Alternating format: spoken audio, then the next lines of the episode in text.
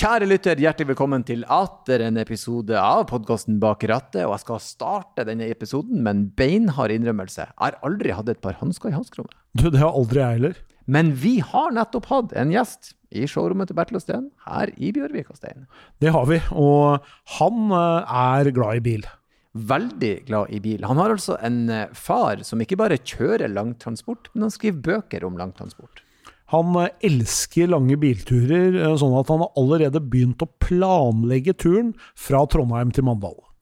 Og den gjesten sto også beinhardt midt i den harde rånekrigen i Mandal, men til slutt så valgte han altså den mørke siden.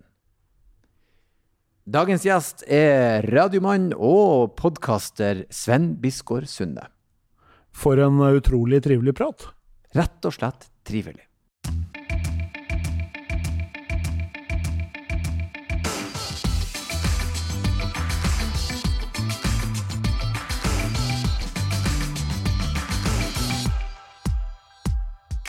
Ja, det er gutten sin. Tilbake. Tables have turned. Yes. Jeg har vært i din podkast, og nå er du i min og Stein sin. Det er jo litt Stein sin også. Ja, det syns jeg. Ja. Vi skal ikke nå ta Føler du at det er mest din? Ja, jeg har alltid sett for meg ja, dette. Jeg følte at du bare er en fyr som jeg henta inn for å fylle inn litt i krokene. Ja da, det er han som sjonglerer nordlendingen som sier Ja ja, jeg, jeg traff i en nerve tidlig i podkasten. Er veldig, veldig bra. Jeg kommer jo fra en duo-podkast sjøl, Ja. hvor det jo er litt sånn at man kan, den ene kanskje tenker at- at man har mer, tar mer plass enn den andre. Ja, for at, hvem er det? Er det du, eller er det Tete? Nei, jeg tror nok folk flest forbinder den podkasten med Tete. Eh, og så kan kanskje er det er kanskje den som har jobba mest med den. Det, det er nå tror jeg du er inne på det. Ja. Det er viktig.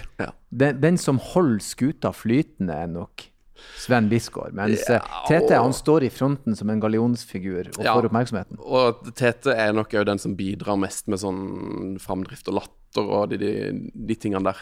Mm. Og stjernedryss, da.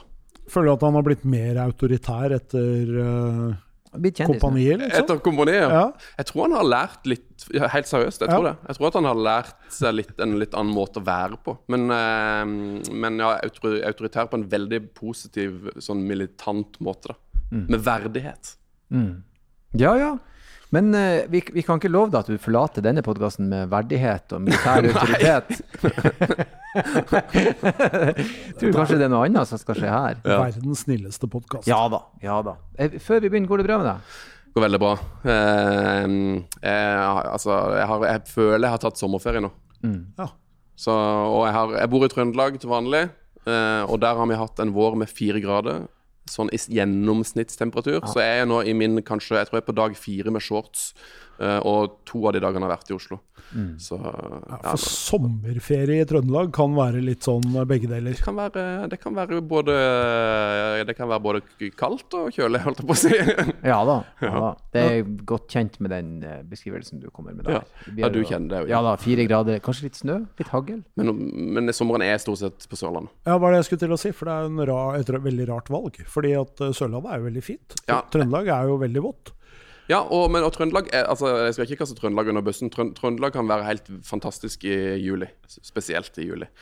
Men uh, da er jeg som regel på Sørlandet. Og det som er veldig bra med Trondheim, er at det er jo bra vær der resten av året. Så de andre ni-ti månedene, da er det jo helt krutt. Så Trondheim er en bra vinterby, og så er jeg på, Sør, er jeg på Sørlandet og i Mandal om sommeren. Best av to verdener kombinert. er perfekt. Perfekt. Men eh, vi skal ikke bare snakke om været, vi skal snakke litt om bil. Mhm. Og så har vi et, et inngangsspørsmål, og det gir oss egentlig ganske mange svar. For vi bruker en terminologi Ja.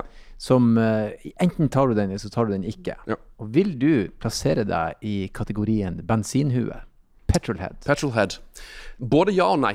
riktig? Eh, Fordi altså Jeg har jo ikke Jeg har ikke peiling på bil. Altså Jeg aner jo ikke jeg kan ikke, jeg, liksom, Hvis du åpner opp panseret, så vet jeg hvor spylervæska er. Eh, og det er nesten det, altså. Jeg kan det sånn Startkabler kan jeg nesten ikke bruke. Skifter ikke dekk, der er det dekkhotell. Men jeg tror nok jeg må være i norgestoppen på liksom å elske å kjøre bil. Og jeg tror jeg må være en av de som Jeg vil, jeg tror det er en av de på min alder som har kjørt mest bil.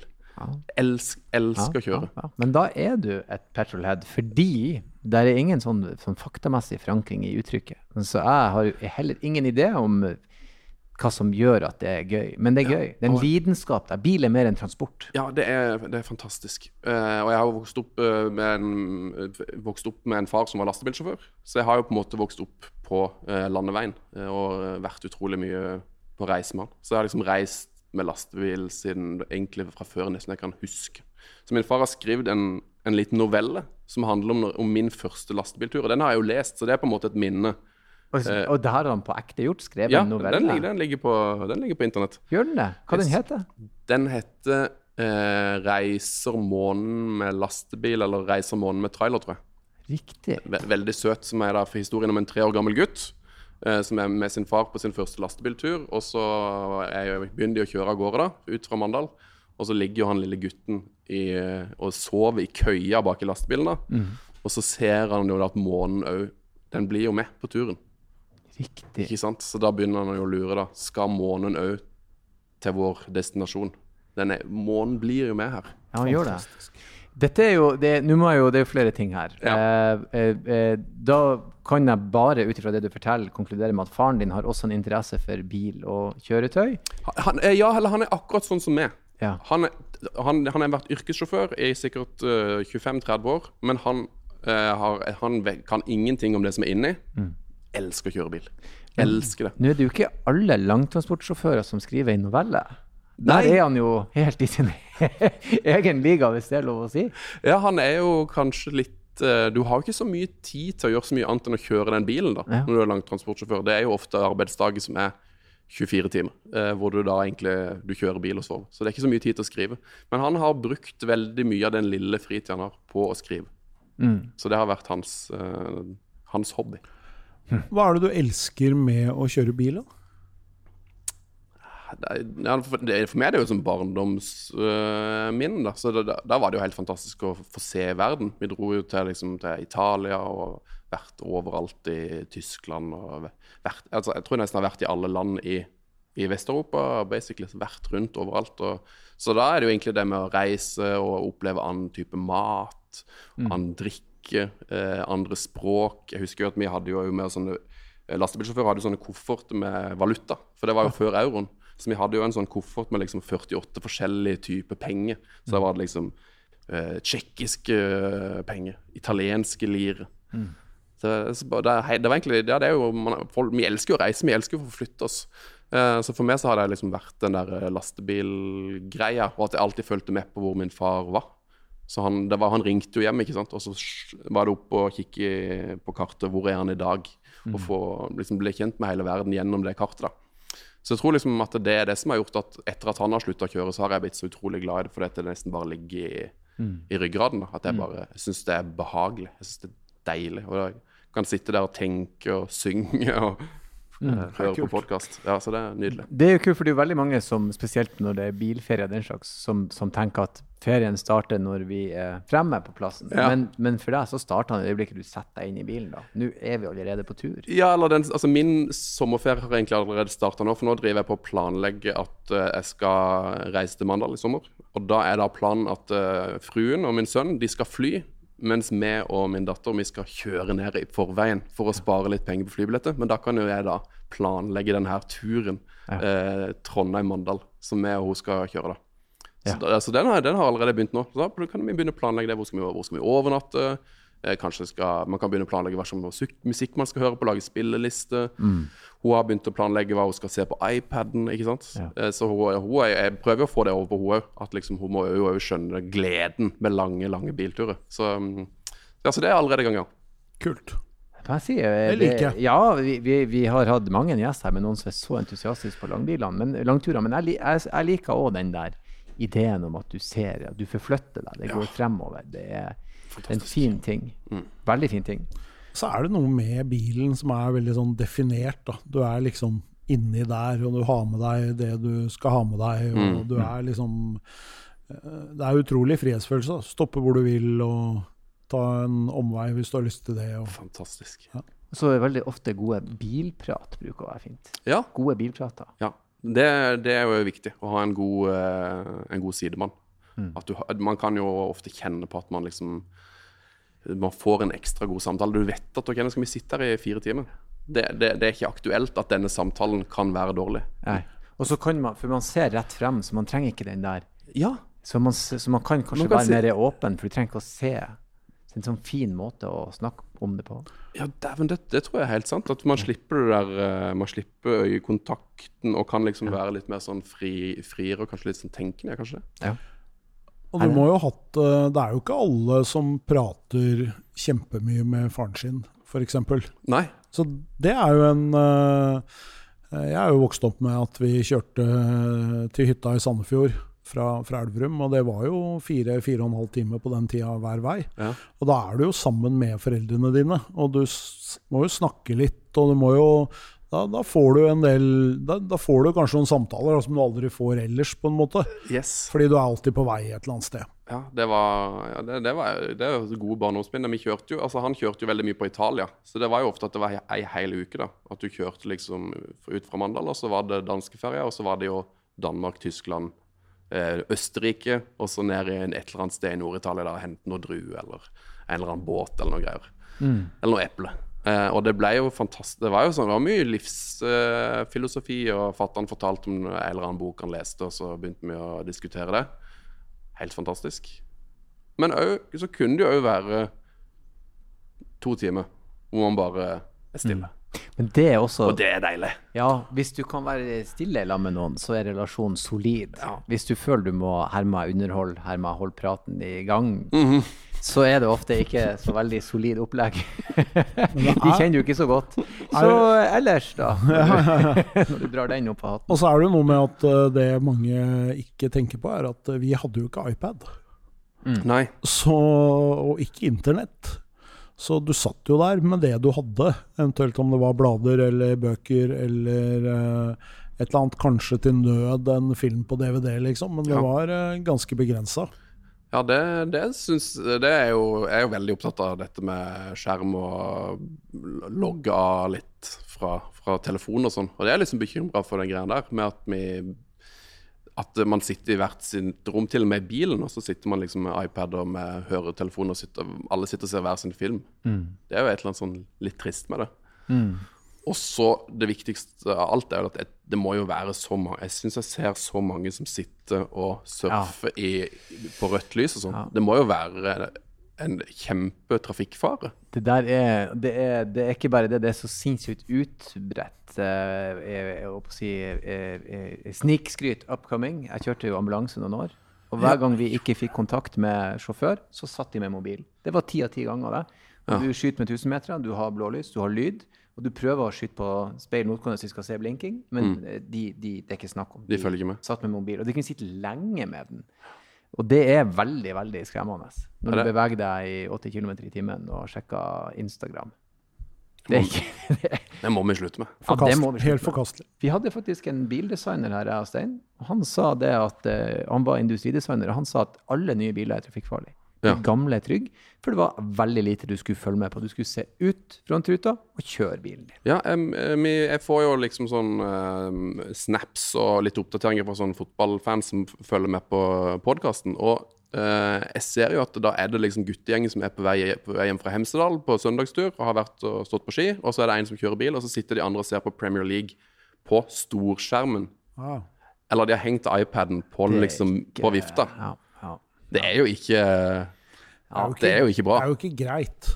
Nei, det er ikke greit. Det er Hva, er- ikke. hva er boten for det nå? Er det sju Nå er det vel 9007, hvis det ikke er over 10 000 kroner nå. Det har eh, skrudd opp Det er en eh, dyr nok en gang. altså. Ja, det er dyr fotballkamp. Det går an å høre på radio, det kan jeg anbefale. Det er ganske bra. ja, Hør på den podkasten der. 4-4-2 de eh, dekker de fleste kampene. Ja, de Ja, de gjør det. Da, da får du det Så faktisk kan med du jo så kan du jo sette på og så bare streame lyden og ikke se på Det hender det jeg gjør. Når jeg kjører hjem fra kamp, uh, hvis vi ikke har TV-kamp, så hender det jo jeg må høre på den matchen som går klokka Ja. sju. Men da kan man ha iPaden i baksetet, tenker jeg. Ja, ja, ja. Ikke ha den i synsfeltet til sjåføren. Det er ikke bra.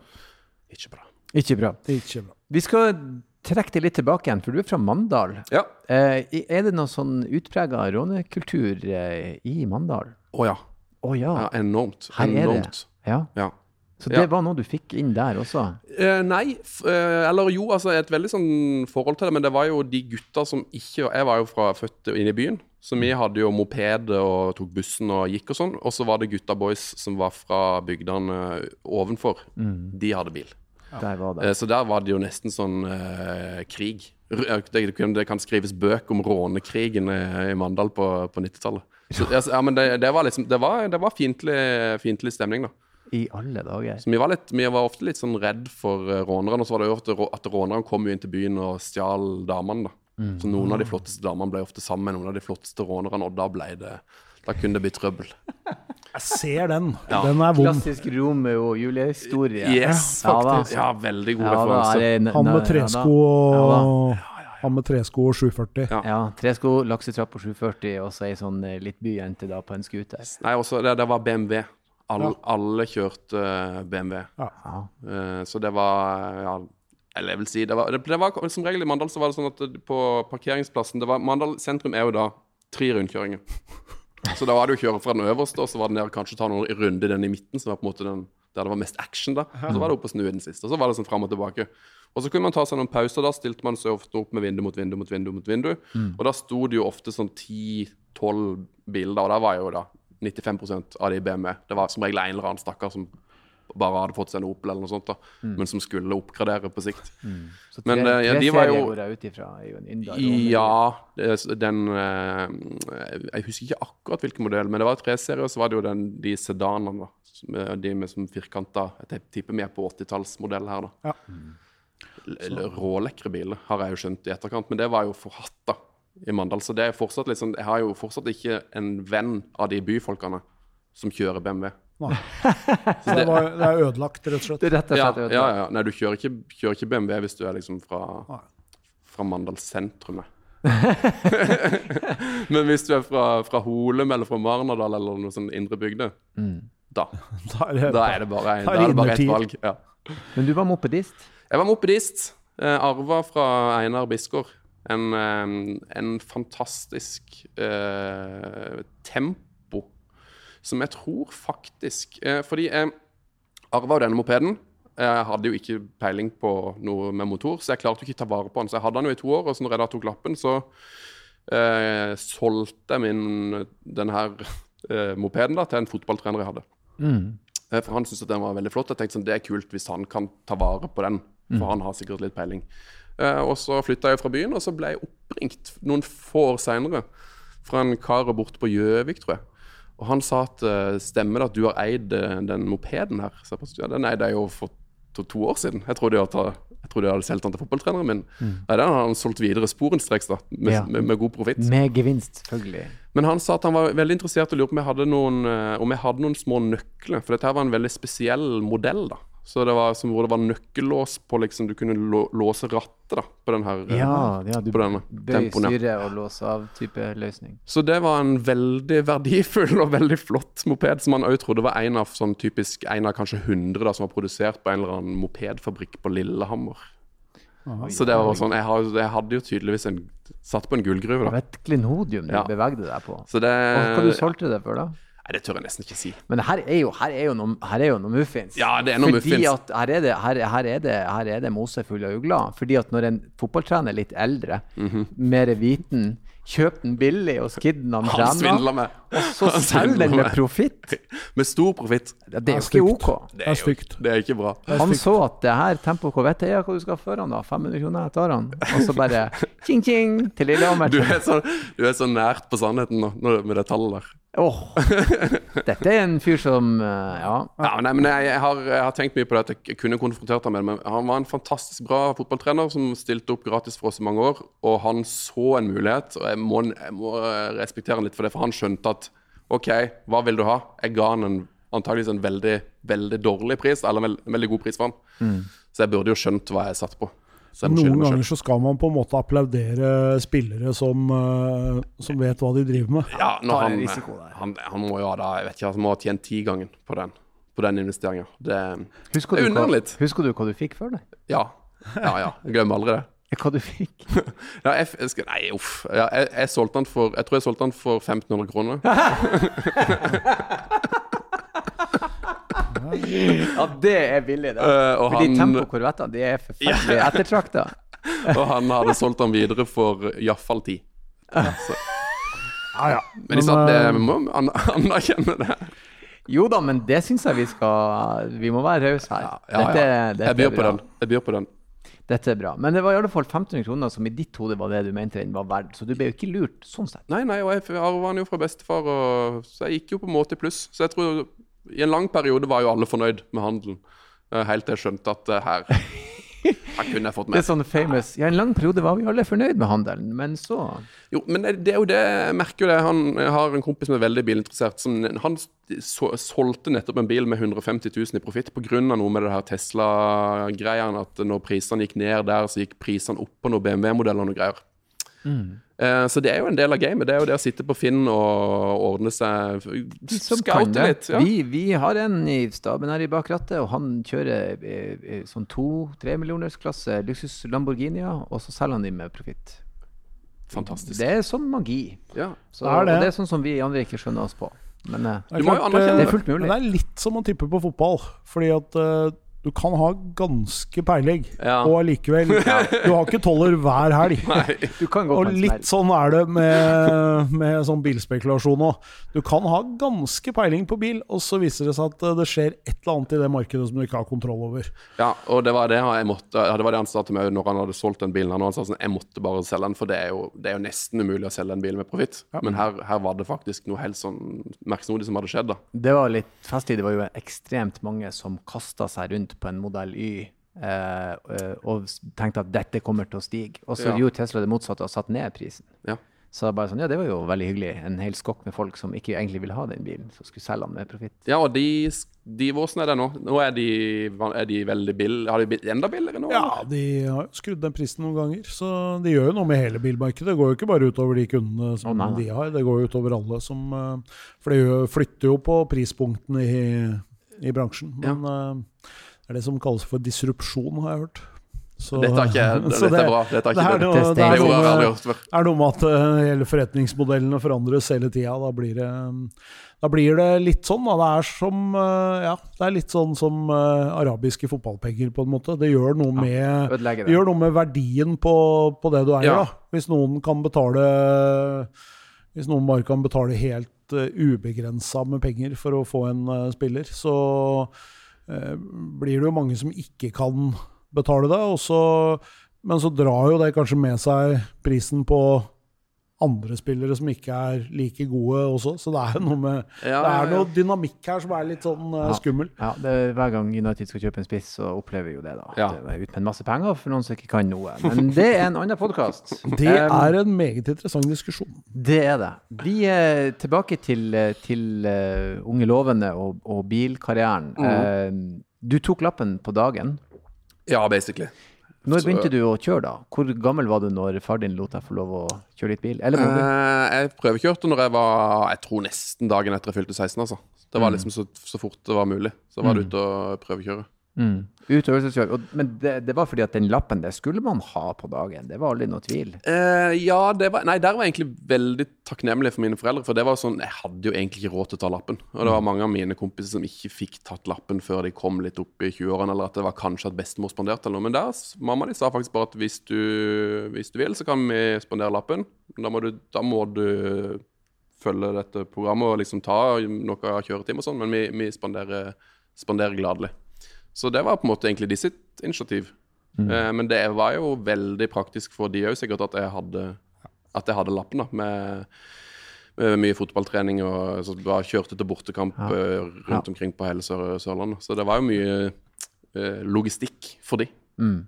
Det blir enklere å håndtere sjåfør. Jeg har sjøl en sønn nå som tar lappen om en måneds tid, og Ja. jeg gleder meg han skal begynne å hente søsknene sine for meg. Yes. Jeg kan være litt hjemme. Og din fru er hun langtransportsjåfør eh, som er borte uh, fire uker i slengen? Nei, men nesten. Hun er frisør. Ja. Så det er nesten. Ja, for jeg tror min mor var veldig interessert i å Ja, men selvsagt. Og jeg må ha noen flere sjåfører inn her. Yes. Og jeg betaler uavhengig av Jeg skjønner behovet både for moped og førerkort, faktisk. For Ja. det er klart det er eh, krevende.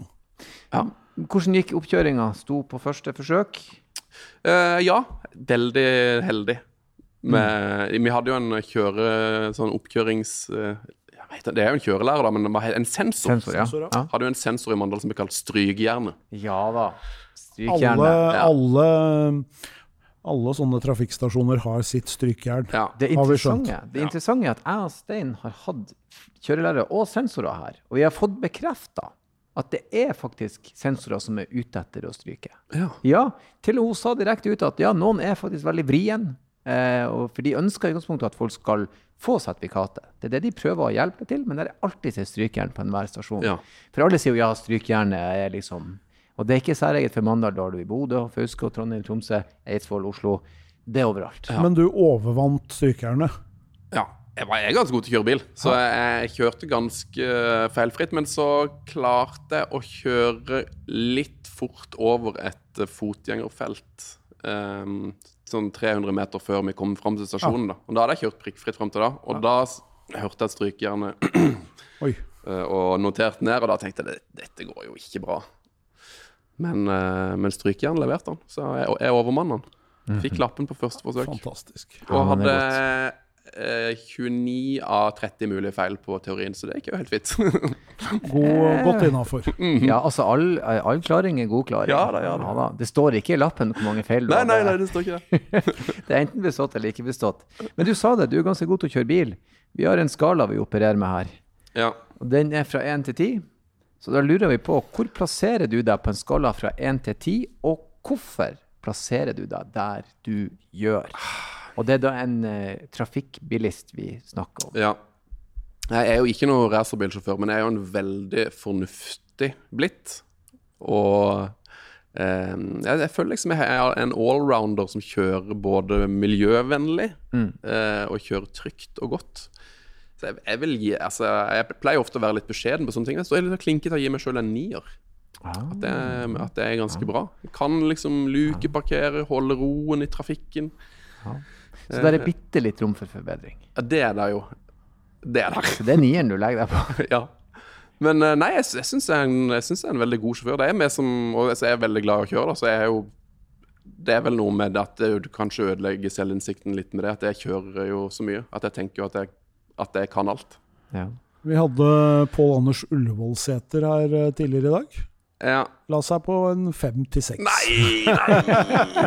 Han er jo mye bedre enn meg. Men så hadde vi også Hadde André Gjerman komiker like etterpå, han la seg på en klinktier. Ja, så bra. Ja, Så det er et sted mellom André Gjerman og Pål Anders Ullevålsæter. Der ville jeg egentlig plassert meg sjøl òg, men jeg hadde trodd kanskje det var andre veien rundt. Da At jeg var litt bedre enn Gjerman og litt Og der er jo en trend, for vi har hatt flere profesjonelle førere her. Mats Østberg blant annet. Og, og Det er selvinnsikt, vet du. Han som du jobber sammen med i Formel 1-kommenteringa. Ja, Atle Gulbrandsen, Atle ja. Oh, de legger seg på fem-seksere, de, altså. Ja.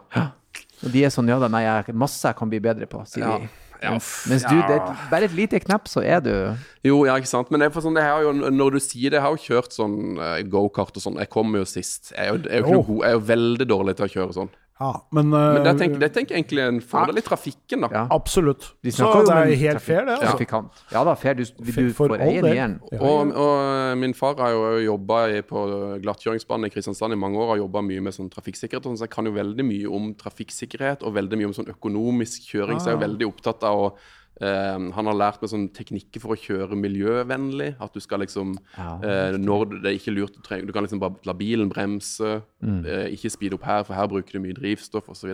Lift and coast. Yes.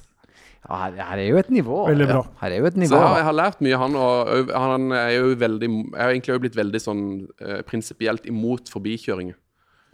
Ja. For det er, jo, det er jo noe du har lært når du har kjørt ikke sant, Når du har kjørt Hirtshals Torino, da.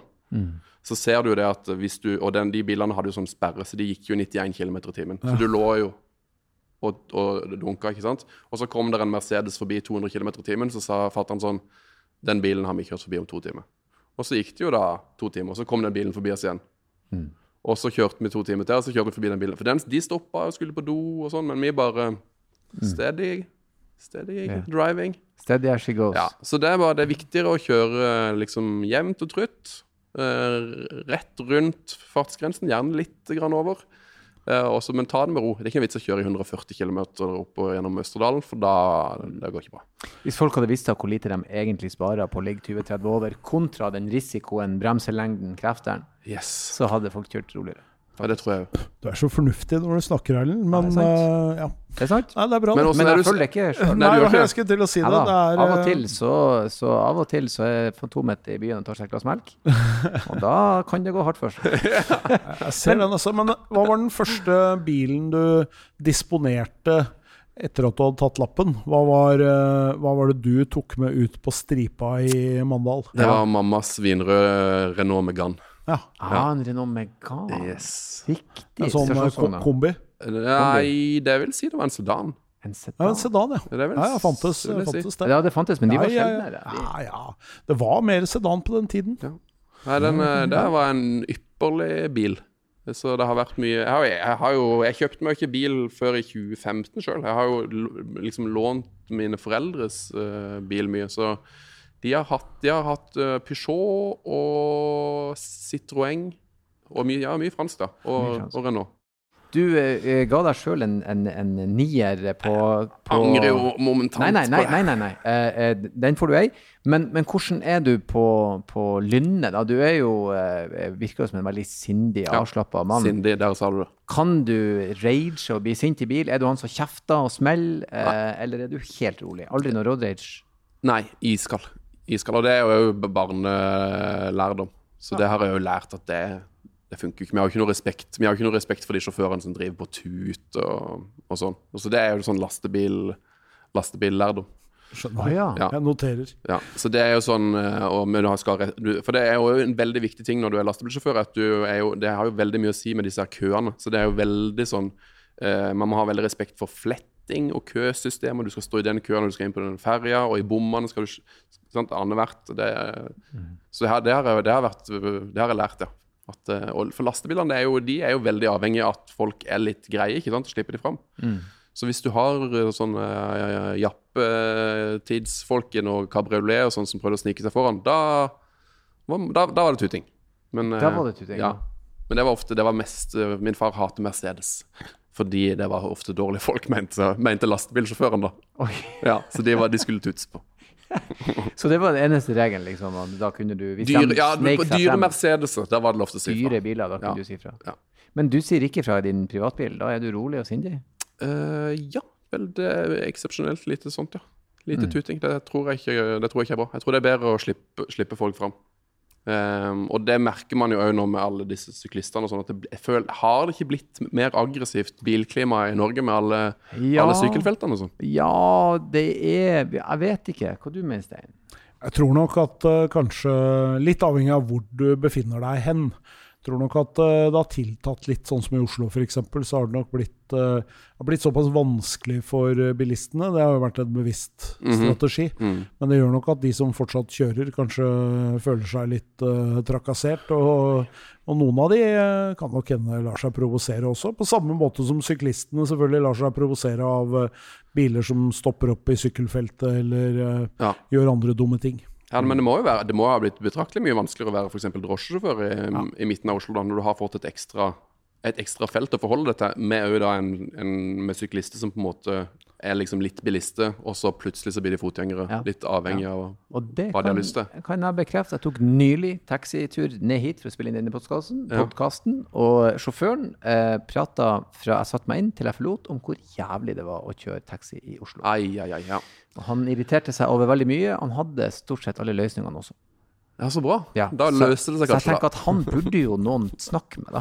Så vi Ja. kan fikse det her problemet. Det er eh, Ja, det ligger mye god kunnskap i, ja, Ha. I drosjenæringen. i drosjenæringen. Ja, det gjør det. Så sindig i bil, men, men jeg syns jo det er interessant, for du har jo eh, eh, vært eh, i bil under krevende forhold. Du har jo, jeg har fra sikre kilder at du har figurert som kartleser Ja, i en blå eh, Subaru intet mindre. ja, det har jeg. Hvilken setting? Oh, var, var du kattleser i en periode av radiokarrieren? Ja, en svært kort periode. Eh, men det var jo liksom når eh, Jeg jobba jo i P3, det her er sikkert 2009 eller et eller annet sånt. Det var liksom den, rundt den store Petter Solberg-perioden. Ja, Da snakker vi 03, da. Ja, ok, men da var det litt, ja, litt senere, da. Men i hvert fall, det var iallfall en, en blå Subaru. Eh, og så hadde vi en ja. utfordring i det programmet jeg jobba i, som heter Banden, hvor det var at man kunne få, man kunne få sånn folkets utfordring. Eh, Og det ble jo stemt fram da, av liksom programlederne. Mens jeg var en sånn stakkars reporter, så du ble bare satt til å gjøre ting. Ja, sånn stuntreporter der. Yes. Ja, riktig. Og da var utfordringen at i, i løpet av 24 timer så skal du eh, ha lagd en reportasje om å være kartleser. Eh, og vet du hva, vi kjenner, en, vi kjenner en fyr som kjører rally ut på Bynes. Så han, dette har vi fiksa. Riktig. Så da var det bare å møte opp neste morgen Ja.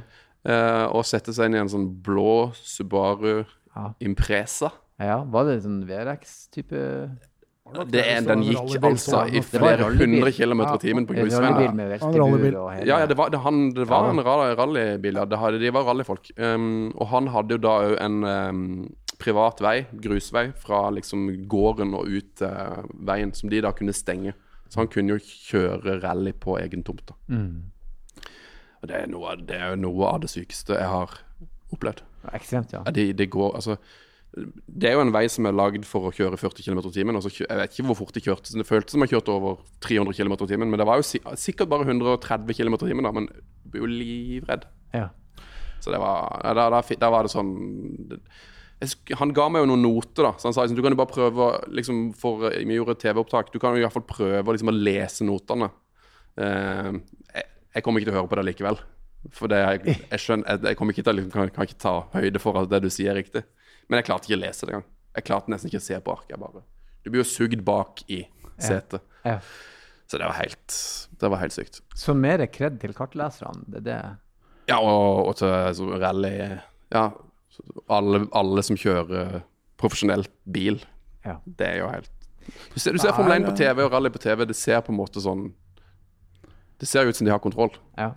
Nei, det, det, det kunne jeg aldri, aldri De, fått de balanserer på knivveggen med hvor langt de tyner maskinen og Jeg hadde aldri turt å kjøre et sånt uh, runde med rally, tror jeg. Jeg tror uh, Ja.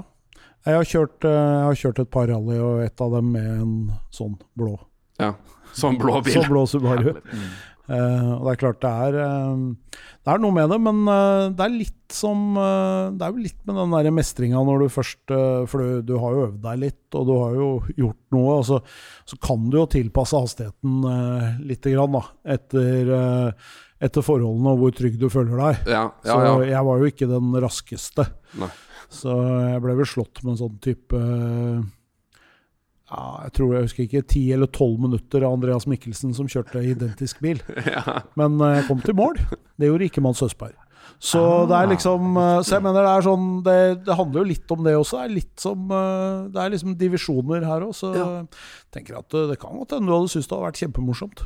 Ja, men jeg tror bare Altså, ja, det er mange ting, hindringer her, da. Økonomisk, eh, mot eh, og tid til å trene. Men nei, det, da, det tenkte jeg Når jeg gikk ut av den bilen, så var det sånn Det her det, det, det, virker for skummelt. Det virker helt sånn uoppnåelig å få det til. Ja, hvis, for det som vi, eller vi, jeg har skjønt etter alle de rallysjåførene som vi har snakka med, både på motorsykkel og bil, det at de lærer seg å eksistere i den fryktlomma, der du er redd, men du opererer mot instinktene dine. Du Ja. presser grensene.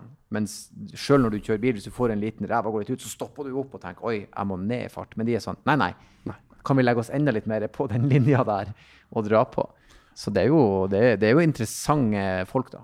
Ja, og så er det noe med, som jeg tenker på hver gang jeg sitter i en rallybil, i hvert fall, det er jo at eh, det er jo så utrolig mye lyd, fordi du hører jo alt, ikke sant? for alt er jo strippa inn i bilen. Så Ja, du er hører jo hver sykt. eneste stein som treffer, som treffer under bilen, som blir kasta opp. Så det er jo en helt sånn annen opplevelse å være inni der. Ja, for det var jeg heller ikke forberedt på. liksom Lyden og lukta og varmen. Det var, for det var sånn Det er så mange eh, sånn, ja, ekstra påkjenninger og forstyrrende elementer. Så det var bare sånn det var, det, var, det var mye mer heftig enn jeg hadde kunne forestilt meg. Men kartlesererfaring er fint å ha på CV-en, da. Ja, det er rått å rått å ha på CV-en. Jeg er glad, glad for at jeg gjorde det, men eh, nei, det, jeg, var, jeg tror ikke jeg hadde blitt noe god til det.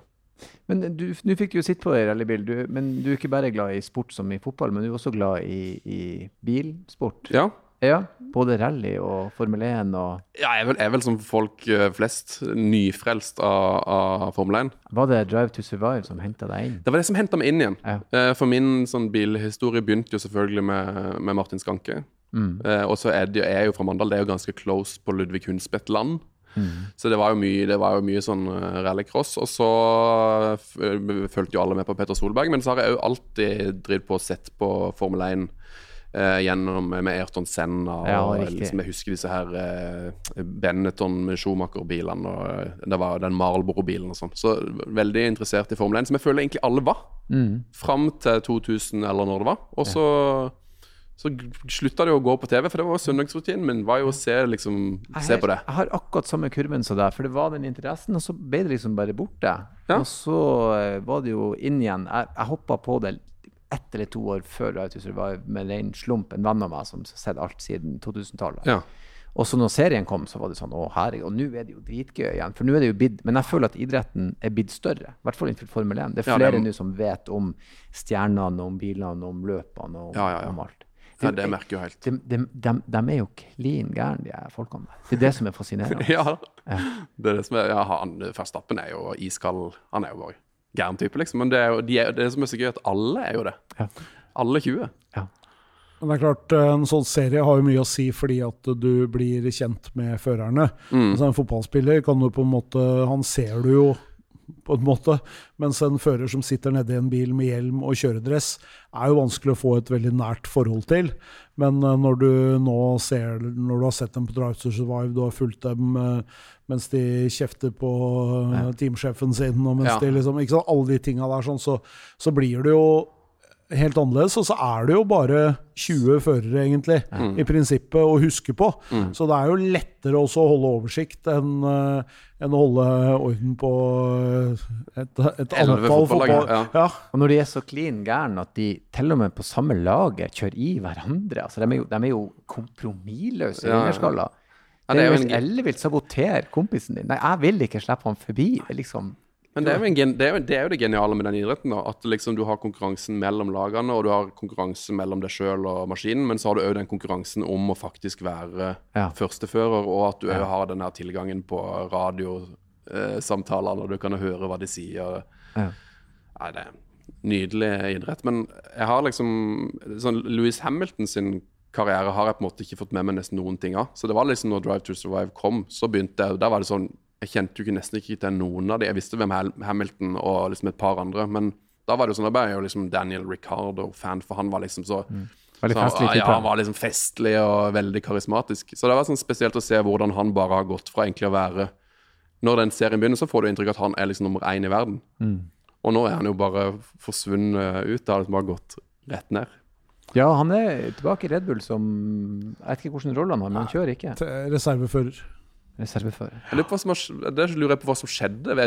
Mista han bare selvtilliten, Det er eller? nok en kombinasjon, det. Og så er det jo sånn i Det er jo litt som eh, Nok en gang tilbake til fotball, da. Så, så er det jo sånn at eh, du må velge riktig lag på riktig tidspunkt. Ja. Og hvis du bommer der sånn karrieremessig, så risikerer du jo fort å bli sittende fast eh, et eller annet sted. Kan du se på Lando Norris nå, f.eks., som jo ble regna som en av de aller uh, største talentene, og som eh, man forventa skulle være med å kjempe om VM-tittelen, og så sitter han i et team som ikke lykkes. Og da, da blir det 13.-plasser og 18.-plasser, og det er jo selvfølgelig er fortvila. Og Alonso er jo litt av det samme, faktisk. Nå er han jo tilbake i et team hvor han kan, kan lykkes, men han har jo altså han har tatt eh, like mange pallplasser så langt denne sesongen som han har tatt til sammen de syv foregående sesongene. ja. Så det er klart at eh, det er, eh, det er noe med å være på riktig sted til riktig tid. Mm. ja og det er jo helt ekstremt i, i Formel 1. Virker det som at det er liksom den, Hvis du har den beste bilen, så vinner du. Ja da. Det, det, det, det er liksom ikke mulig å vinne med noen av de bilene. Nei, men det hjelper å ha Men så er det veldig ofte sånn at de som har den beste bilen, har også ofte en av de beste førerne. Ja. Så, så det er eh, Det henger litt sammen ofte. Akkurat nå er det Red Bull. Akkurat nå er det Akkurat nå er det dessverre Red Bull. Syns Å oh ja, du er ikke Ja, jeg liker, jeg liker underdogs, så jeg har aldri Jeg, jeg, aldri hatt noe, jeg, hadde ikke, jeg hadde liksom ikke egentlig noe sansen for Hamilton heller. Jeg har fått mer sansen for Hamilton etter at han har, fått, det- at han har rast For nå må han jobbe litt. Ja, liksom. så nå, nå kan jeg liksom unne han å, å, å vinne. Det Jeg syns ikke det var noe gøy når han, når han vant alt. Jeg har litt lyst til at Has skal gjøre det kjempebra pga. Gunther. Ja! For jeg elsker han. Alle elsker jo Has. Ja, alle elsker han uten der. Og, og når eh, han Grosjan og han eh, dansken der krangler, 'suck my balls', han roper at han på pressekonferanse sånn Dette er jo et herlig kaos av galskap. Ja. Eh, nei, jeg, som sagt, jeg er veldig Jeg òg er, er, er på den. Får vi en norsk fører? Er det, er det mulig, eller? Ja, da ser jeg meg på eksperten igjen. Vi har jo en som er i Formel 2. Ja da, vi Men har jo Dennis Hauger som kjører Formel Ja. 2, ligger på femteplass i mesterskapet nå, vel? Jeg har se, faktisk sett noen av løpene der nå. Ja, og han er jo god, men det er klart det er Da er vi igjen tilbake til det. Du må være god nok, og du må være på riktig sted til riktig tid. Sånn som i år, så er det jo sånn at det er ikke sikkert det er noe ledig plass neste år i Formel 1 Nei. om han skulle gjøre det kjempebra. Samtidig så kan du ikke holde på å kjøre Formel 2 i for mange år heller. Fordi eh, da er du egentlig mindre interessant, og det kommer jo hele tida nye førere opp bakfra. Ja, det, ja. Sånn at eh, det å være ung og lovende, det er du ganske kort, eh, ganske kort tid. Så, så det der er vanskelig. Nå vi, fikk vi jo egentlig tre helt nye førere inn i Formel 1 denne sesongen her. Mm. Uh, og det har jo vært vanskelig Det har vært en vanskelig sesong for alle de tre førerne. Mm. Så det er en eh, Altså, det er, eh, det er en mye større mulighet for at vi skal få en eh, nordmann i Formel 1 enn det antageligvis noen gang har vært tidligere. Mm. Men eh, allikevel, det nåløyet er tungt og trangt og vanskelig. Men, eh, Og politisk styrt, eller? ja, litt politisk Ja. styrt. Og det er selvfølgelig Ja. at eh, hvis du kommer fra India eller fra, fra England eller fra Tyskland, og hvor det er liksom ikke er fem millioner, men 80 millioner eller en milliard Fans. fans og potensielle kunder for det, den for den drikkevaren som firmaet ditt leverer, eller noe annet. Så Mm. det har noe å si. Ja da, det er Men alltid eh, vi krysser fingrene. Altså, nå har vi jo et par andre. Nå har vi jo Martinus Stenshorn også, som er på vei oppover eh, bakfra der, og som kjører noe som heter Freka i år, som er en sånn mellomting mellom Formel 3 og Formel 2. Så Men de bør egentlig bytte statsborgerskap til kinesisk eller amerikansk, eller sånt for å treffe må du bare bedre være, så må du bare markedet, være sinnssykt god, liksom. Det er jo som Haaland. Ja. Ja, hvis ja. du bare er god nok, så får du spille. Men eh, ja, der er jo også litt politikk bakom Haaland. Ja da. Ja da, Ja jeg, jeg, jeg bare si det. Det er en annen podkast. Det er en annen podkast. Eh, jeg må igjen dra opp din, din, din skinnende nier på tierskalaen, for du har jo eh, vært i en og annen hendelse Ja. med ditt kjøretøy. Du har krasja, rett og slett. ja, og det har jeg lært, da. Ja. Ja. Ta oss med til den første. Ja, nei, altså De jeg krasjer jo med, som de fleste gjør. Du krasjer jo jeg, nesten, de, fleste krasjer vel før de er 23 eller noe sånt. Og jeg tror jeg, jeg husker ikke helt, men jeg vil si jeg krasja når jeg var 18 og 19 år. Var det en bulk eller en krasj? Var det en stor eller Det var en stor og en stor, vil jeg si. OK. Eh, så den ene Men jeg var veldig heldig med den ene. da Klarte å Jeg var på, hadde vært ute og besøkt en- noen venner utenfor byen og skulle kjøre hjem sent på kvelden, og så kom der et helt enormt snøfall. Eh, og så var jeg rett og slett bare for uerfaren. Det var, altså det var sikkert 20 cm nysnø på eh, E18, eller E39. Eh, Så da ble jeg rett og slett bare dratt av veien og traff en lykt Som var veldig heldig og traff en lyktestolpe akkurat. Som sto liksom sånn at det ikke liksom gikk rundt eller noe sånt. Mm. Og knuste bakdøra. Riktig. Men jeg kunne rett og slett jeg kunne kjøre opp igjen, da, kjøre hjem og gå inn og, og overbringe de litt dårlige nyhetene til mine foreldre. Riktig. Eh, så det var en eh, Men det var lærdom det, i det, da. At det er ikke så veldig lurt å kjøre på når det er snø. Nei, ikke, ikke når det er i hvert fall mye snø. På man- ubrøyta eh, motorvei. Det har jeg har aldri kjørt på så dårlige forhold, verken før eller siden, tror jeg. Mm. Eh, så det er noe man tenker på når man kjører hjem fra hytta på vinteren og sånn. Men ingen personskader? Bare Ingen bil? personskade. Hvordan tok dine foreldre Eh, nei, med, med fatning. Med, Mm. de, de roste meg vel for at jeg hadde innrømt at jeg hadde driti meg ut. Og Mm. så tok de det på forsikring, og så fikk jeg vel Delte meg vel på bot, eller på skadene, eller noe sånt. Egenandelen, ja. Så jeg vet ikke om det kosta meg en 5000-lapp eller en 10 000-lapp eller noe sånt. mm. Det var iallfall sure eh, penger. Ja, det er, det er surt. Ja. eh, Det er det. Og, eh, og så var det vel da sikkert bare noen måneder seinere. Så skulle jeg på bilferie med en kompis. Vi skulle på svenskegrensa på et sånt landsted og ha sånn eh, vennehelg. Mm. og da krasja vi jo med en gang. Det var første dag i fellesferien. Enormt mye trafikk. Eh, et sted det gikk fra to felt eh, til ett. Plutselig kø, fulgte ikke med. Kjørte i bilen foran. Au. Å, den er lei. Ja. For da er det bare din feil. Da er det bare min feil. Ja. Uh, så da Og den Da var vi jo egentlig veldig heldige at vi For vi krasja bilen, og så virka den jo helt fin, så vi kunne jo på en måte bare måtte jo bare stoppe og eh, skrive skademelding på han foran. Kjørte rett i ræva på han og ødela uh, bagasjerommet sitt. Uh, og så vi måtte vi jo bare opp, avbryte turen da, og kjøre til en, hjem til Mandal til verkstedet.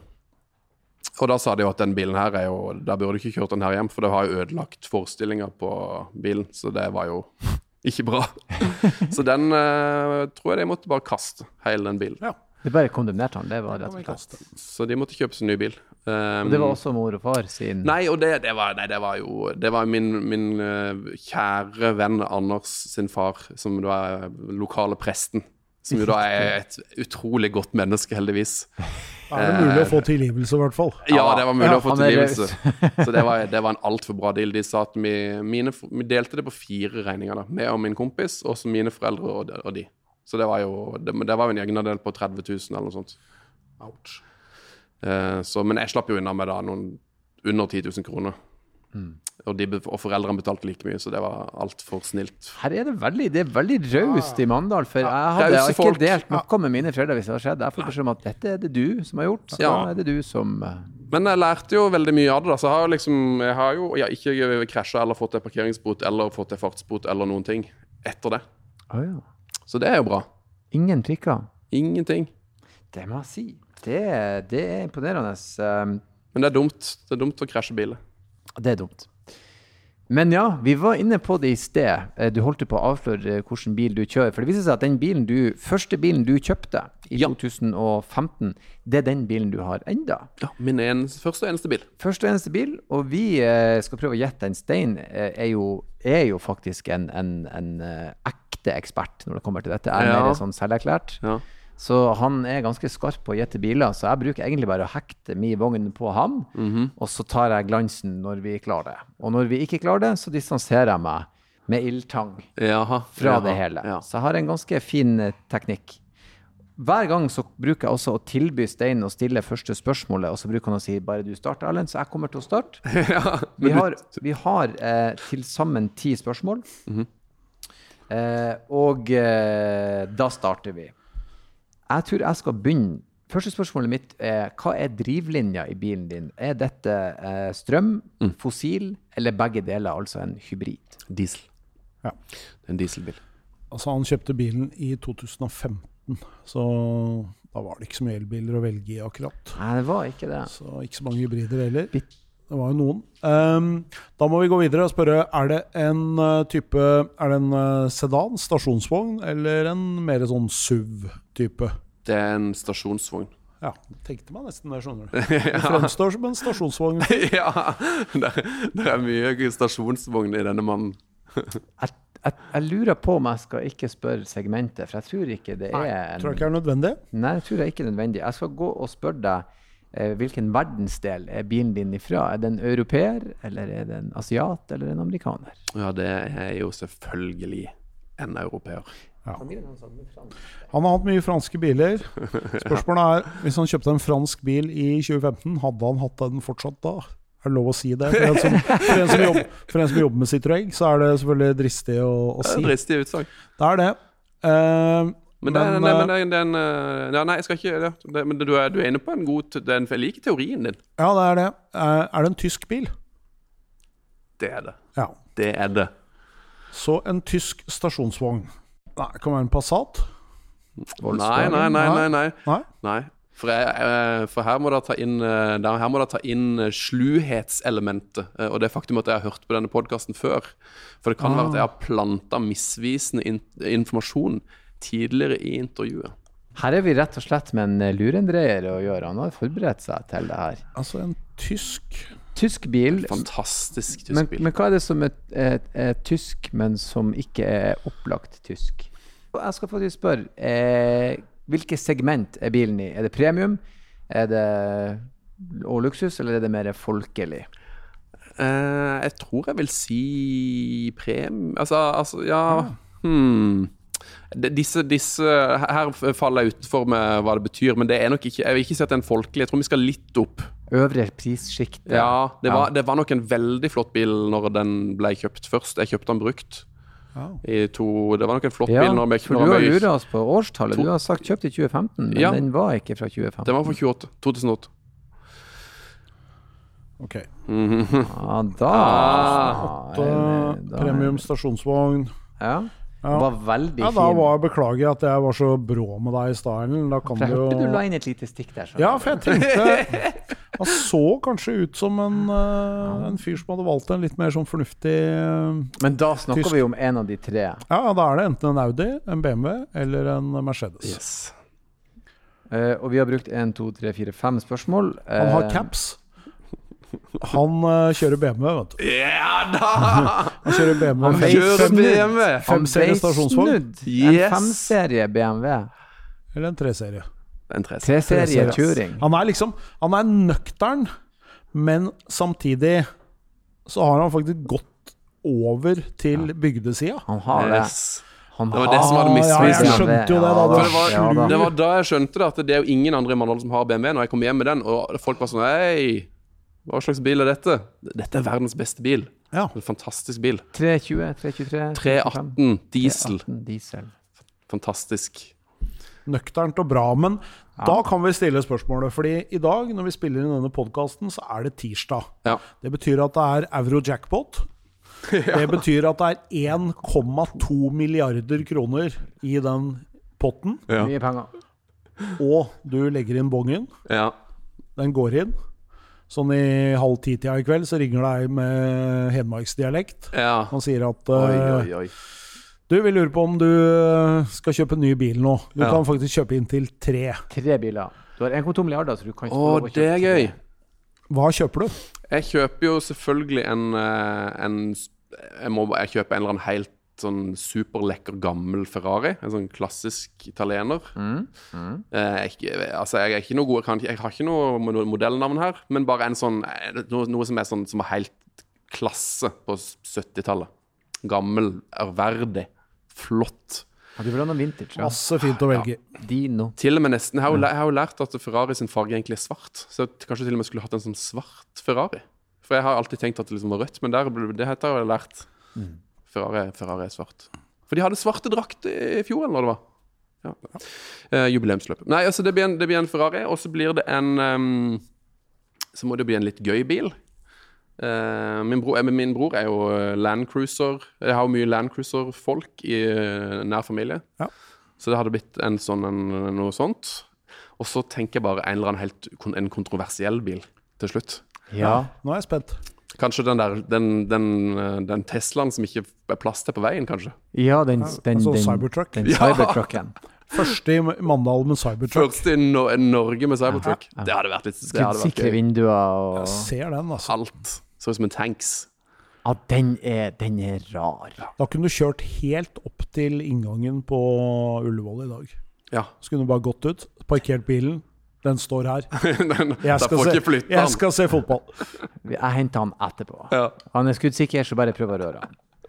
Ja ja, ingen dårlig kolleksjon, det. Det er en stil, den. Ja da. ja da. Ja, jeg kjente vi var litt rustne på gjeting av bil, men eh, vi kom i mål, altså. Kom i mål til Jeg syns det var bra. Takk. Eh, og, og du rett og slett konverterte og gikk til Ja, jeg ble litt forutinntatt. Jeg kjente det. Det er ikke bra. Men Ja, eh, det fordommer, skal, eh, fordommer skal fjernes. Ja, men det, det må sies uh, at jeg var jo jeg, jeg, var, jeg skulle kjøpe en Skoda. Det er egentlig en sånn type. Uh, men så har jeg en veldig bilinteressert kompis, og han sa bare 'Du kan ikke kjøpe en Skoda. Det blir for, det blir for kjedelig'. Eh, så sa jeg da må du si hva jeg skal ha, og så sa han du skal ha den. Det var, eh, jeg må innrømme at det var eh, første, førstevalget mitt, men i og med at det var tysk, så, så var den jo ikke det. Ja, Men det var gøy. Bra pod og veldig hyggelig å prate Ja, med deg. Hyggelig å få komme. Veldig stas å ha deg her. Fantastisk. Det var kjempefint. Eh, Jeg si, avslutta som jeg alltid gjør, med å si takk for besøket, og kjør forsiktig. Jo, kjør forsiktig. Amen. Amen.